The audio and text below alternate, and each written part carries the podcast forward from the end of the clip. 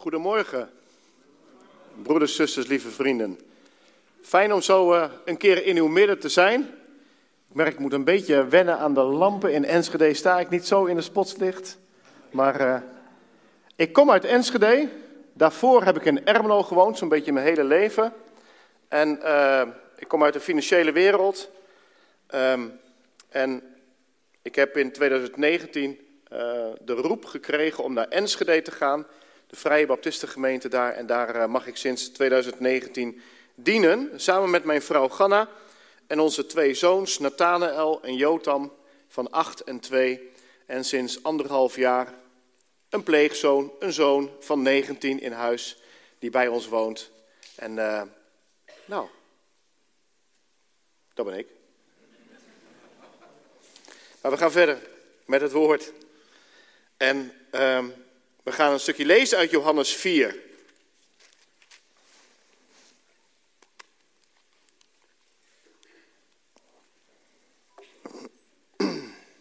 Johannes 4, twee kleine stukjes.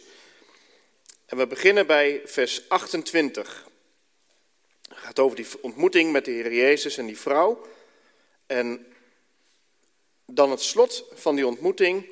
Daar staat dan in vers 28: De vrouw nu liet haar waterkruik staan en ging weg naar de stad en zei tegen de mensen: Kom, zie, iemand die mij alles gezegd heeft wat ik gedaan heb. Zou hij niet de Christus zijn? Zij dan gingen de stad uit en kwamen naar hem toe. En in vers 39. En vele van de Samaritanen uit die stad geloofden in hem om het woord van de vrouw die getuigde.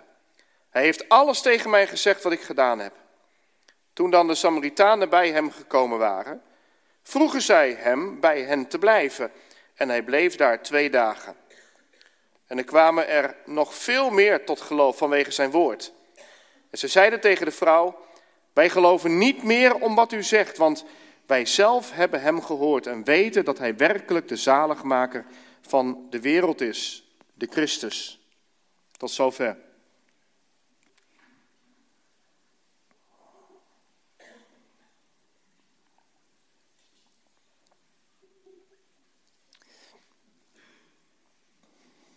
Stond laatst een keer in de, in de krant. Misschien heeft u het gelezen, misschien heb jij het gelezen. Over die, uh, die jongen die uh, op een gegeven moment een heel belangrijk persoon binnenkreeg. Volgens mij was het in zijn restaurant. En, uh, en nou ja, op een gegeven moment zag je dan een foto staan. En het was niemand minder dan Barack Obama. Nou, daar kun je heel veel van die man zeggen. Je kunt er wat van vinden. Dat gaan we vanmorgen niet doen. Daar brand ik mijn vingers niet aan. Maar zo kun je in je leven maar zo iemand tegenkomen waarvan je zegt van... Wauw, wat is dat geweldig om die persoon te ontmoeten. En als je Johannes 4 leest, dan, dan is zo'n ontmoeting is daar met de Heer Jezus. En de vrouw bij de waterput, die heeft het voorrecht om daar de Heer Jezus te ontmoeten. En, en dat, die ontmoeting met de Heer Jezus, dat kunt u lezen in die 27 versen van Johannes 4. Die heeft zo gigantisch veel indruk gemaakt op deze vrouw, dat er na die ontmoeting, na dat gesprek wat zij had met de Heer Jezus, dat er ontzettend veel gebeurt. En we hebben het gelezen. En daarover, over die paar teksten, willen we vanmorgen met elkaar nadenken. En dan is het thema, zoals gezegd, geschreven, hem geloven op zijn woord. Hem geloven op zijn woord. En ik hoop dat we aan het einde van dit samen zijn, uh, de vraag meenemen van geloven wij hem, Jezus Christus, op zijn woord?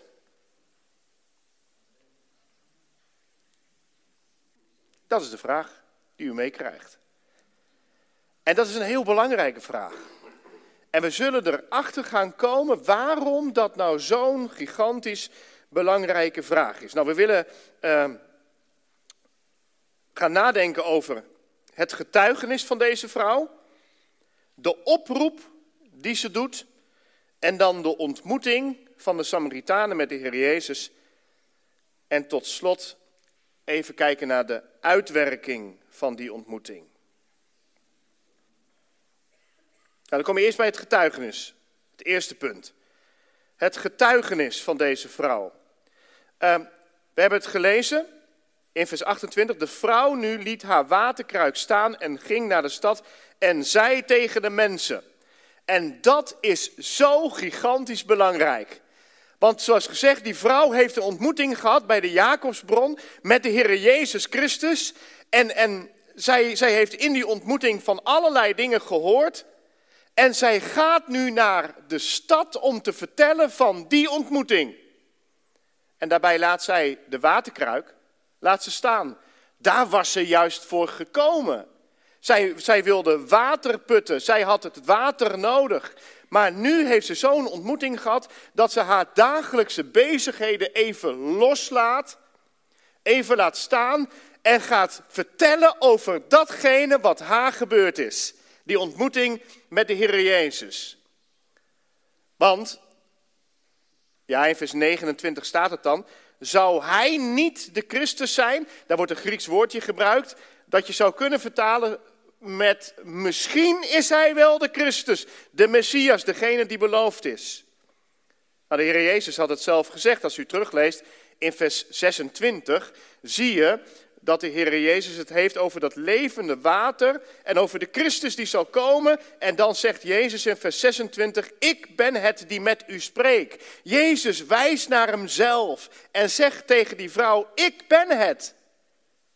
En, en, en, en dan verder terug, dan vertelt hij die vrouw alles wat zij gedaan had. Die vrouw hoefde het hem niet te vertellen, want hij wist het.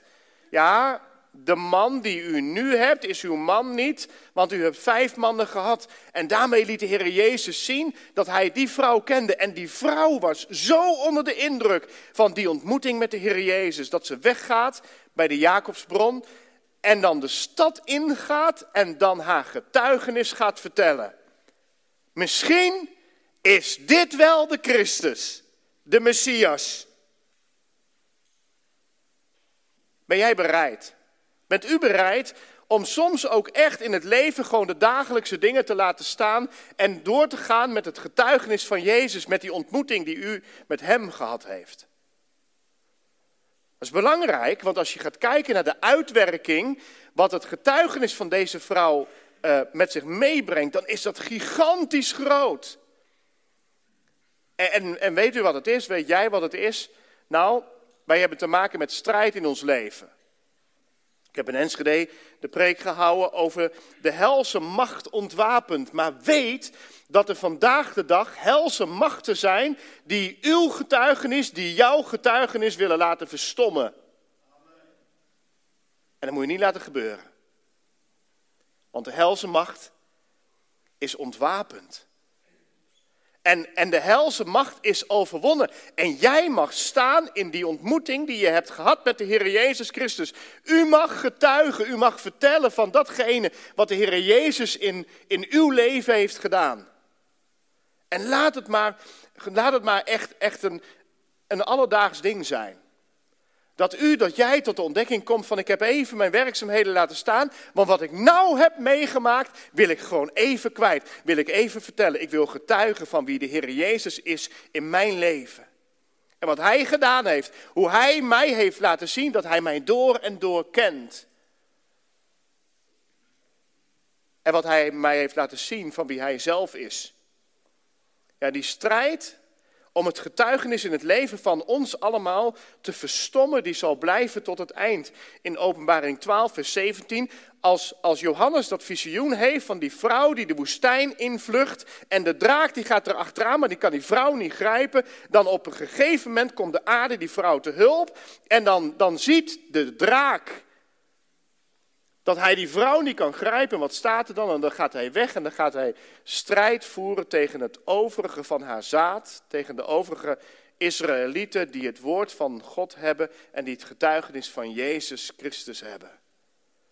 Er zal straks in de eindtijd, in de tijd die nog gaat komen na de opname van de gemeente, zal, er, zal die, die helse macht zo vol ten strijde trekken om alles wat met God en met de Heer Jezus te maken heeft te vernietigen. En nu al is die helse macht ermee bezig. Mag ik vragen? is jouw getuigenis verstomd in je leven? Wanneer mocht jij voor het laatst getuigen van wat de Heer gedaan heeft in jouw leven? Als wij erover hebben dat wij een levende heiland hebben. Als de Heer Jezus het hier heeft in Johannes 4 over het levende water wat door ons heen stroomt. Als wij straks volgende week gaan nadenken over dat de Heilige Geest gekomen is. En dat, dat de Heilige Geest door Paulus gezegd wordt dat het kracht is, de wijsheid van God is. Dan mag dat iets doen met ons leven. En dan mogen wij daarin gaan leven, daarin gaan staan. En dat is nog steeds vandaag de dag aan de gang, lieve broeders en zusters. Wij mogen gaan staan in de kracht en in het leven van de Heer Jezus. Sterker, Hij heeft ons in zijn leven geplaatst.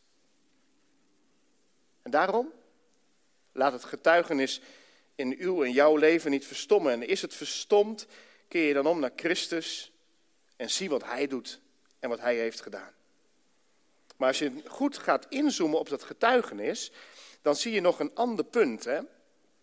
Die vrouw, die, die loopt daar die stad in en die gaat vertellen van alles wat zij met de Heer Jezus heeft meegemaakt in die korte ontmoeting die zij met hem gehad heeft.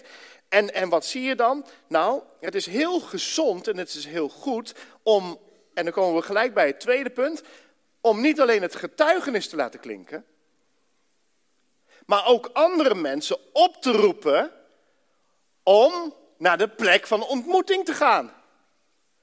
Kijk, het is heel mooi als wij ons getuigenis vertellen en zeggen van oké, ik heb nou zoiets moois meegemaakt met de Heer Jezus. Hij heeft dit gezegd over mijn leven, hij heeft dit gezegd over hemzelf en, en noem maar op en al dat soort dingen.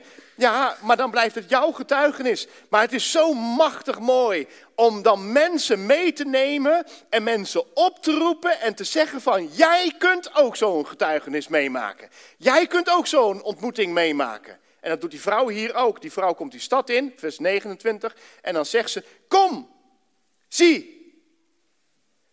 Zij nodigt de mensen uit. Zij zegt tegen de mensen van als jullie hem willen zien, dan moet je komen op de plaats waar hij te vinden is. En dat is zo geweldig mooi. Dat is zo geweldig mooi, hè?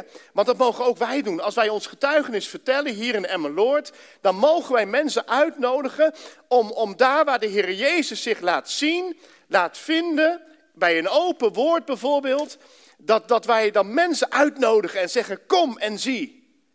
Ga met me mee. Dan gaan we samen de Heer Jezus ontmoeten.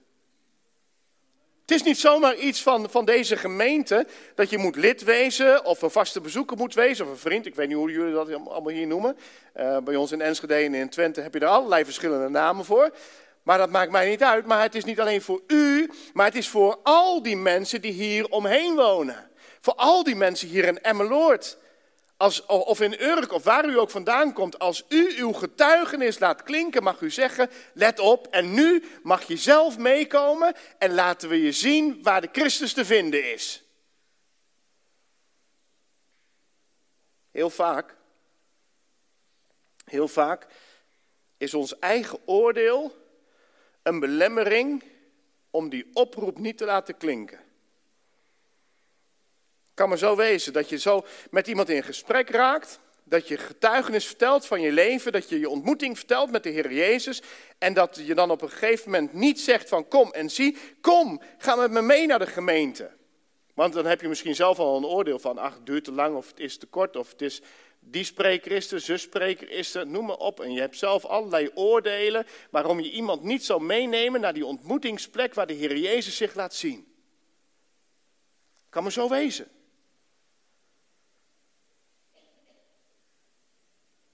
Het kan maar zo wezen dat je hier zelf mensen gaat beoordelen en denkt van ja, stel je nou voor, je komt iemand tegen die aan de drank verslaafd is. Of die allerlei andere verslavingen heeft, of die allerlei andere moeilijkheden heeft. En dan ga je een mens beoordelen en dan denk je van, nou, laat maar. Eh, als je je een beetje beter voelt of als je een beetje van die verslaving af bent, dan neem ik je wel mee. Terwijl dit juist ook een plek is waar mensen mogen komen met alles wat hun bezighoudt, met al hun strijd, met al hun zorg, met al hun nood, met al hun verslaving. Mensen mogen komen zoals ze zijn. En dat vind ik zo mooi, hè? want als je daar in, die stad die vrouw ziet en die vrouw die begint maar te nodigen, kom en zie, kom dan, loop met me mee. En denkt u nou werkelijk dat het alleen maar de religieuze leiders waren van die stad? Denk het niet. Ik denk werkelijk dat ze de stad in is gegaan en op elk plekje van de stad heeft geroepen van kom en zie iemand. Ik heb iemand ontmoet jongens, hé, dat moet je zien. Je moet weten wie hij is. En die, hebben, die, die vrouw die heeft al die mensen uitgenodigd. Of ze nu verslaafd waren. Of dat ze nu naar de hoeren gegaan zijn. Of dat ze nu weet ik veel wat gedaan hebben. Het waren misschien tollenaars, zondaars, noem maar op. En ze werden allemaal uitgenodigd om naar de Heer Jezus te gaan. Daarbij die bron, want daar zat hij. Daar was iemand te vinden die misschien wel de Christus was. Zijn wij zo? Mogen wij ook in dat enthousiasme voor de Heer Jezus, omdat wij zo diep geraakt zijn van wat Hij in onze levens gedaan heeft, mogen wij ook zo in deze wereld staan?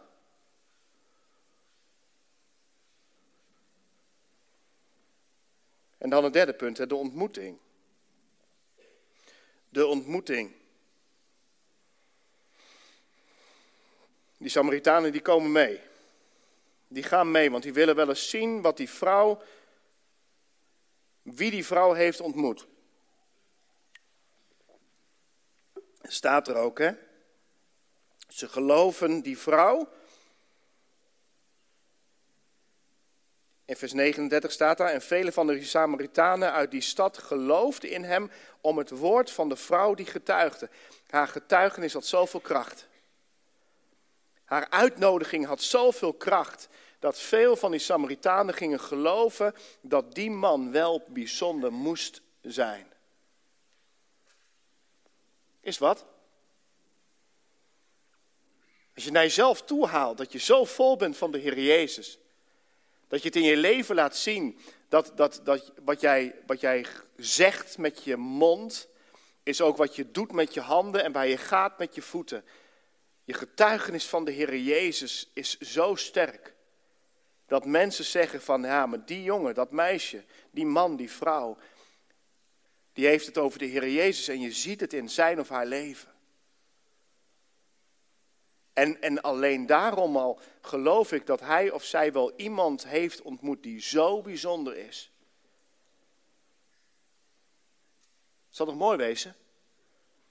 Stel je nou voor dat we allemaal deze week zo'n ontmoeting hebben en dat er twee mensen werkelijk tot geloof komen. En die ons, op ons woord geloven, die geloven in de Heer Jezus Christus, dat Hij wel bijzonder moet zijn, dat Hij wel, misschien wel de Christus, de Messias is, de beloofde. En, en dat u hen allemaal meeneemt volgende week zondag. Is de kerk zo te klein? Ja, dat zal God niet doen. Oké, waarom deed hij daar wel en nu niet? Misschien is het wel omdat wij, omdat wij die oproep niet meer in ons leven zo laten klinken. En vandaag mag ik u dan zeggen van oké, maar als u die oproep vanuit uw leven laat klinken, kijk dan wat het kan uitwerken. Die Samaritanen ontmoeten daar de Heer Jezus bij de Jacobsbron. En dan vragen ze hem nog twee dagen te blijven. En dan, ja, in een van de andere evangelie staat van hij, was, hij leerde dat hij was gezonden tot de verloren schapen van het huis van Israël. Helemaal niet zozeer naar die Samaritanen werd hij geroepen. Dat was niet zijn eerste opdracht, maar toch bleef hij twee dagen lang bij die Samaritanen. En, en ik geloof dat de Heer Jezus Christus de dorst zag van die Samaritanen. Zo hoorde die vrouw en ze waren gekomen en hij zag in hun leven, in hun hart, de dorst van die Samaritanen. En er wordt hier helemaal niet, is het u opgevallen, als u Johannes 4 leest, als de Heer Jezus daar bij de Samaritanen is, wordt er helemaal niet gesproken over allerlei grote tekenen en grote wonderen. Mooi is dat, hè? Dat vind ik tenminste heel mooi. Wordt helemaal niet zo gesproken over tekenen en wonderen. Nee, er wordt gesproken over het feit dat de Heer Jezus Christus zijn mond opende zijn hart opende en de woorden van eeuwig leven uitkwamen. De Heer Jezus gaf onderwijs. Het is net als Paulus zegt in Romeinen 10, vers 17. Zo is dan het geloof uit het gehoor en het gehoor door het woord van God.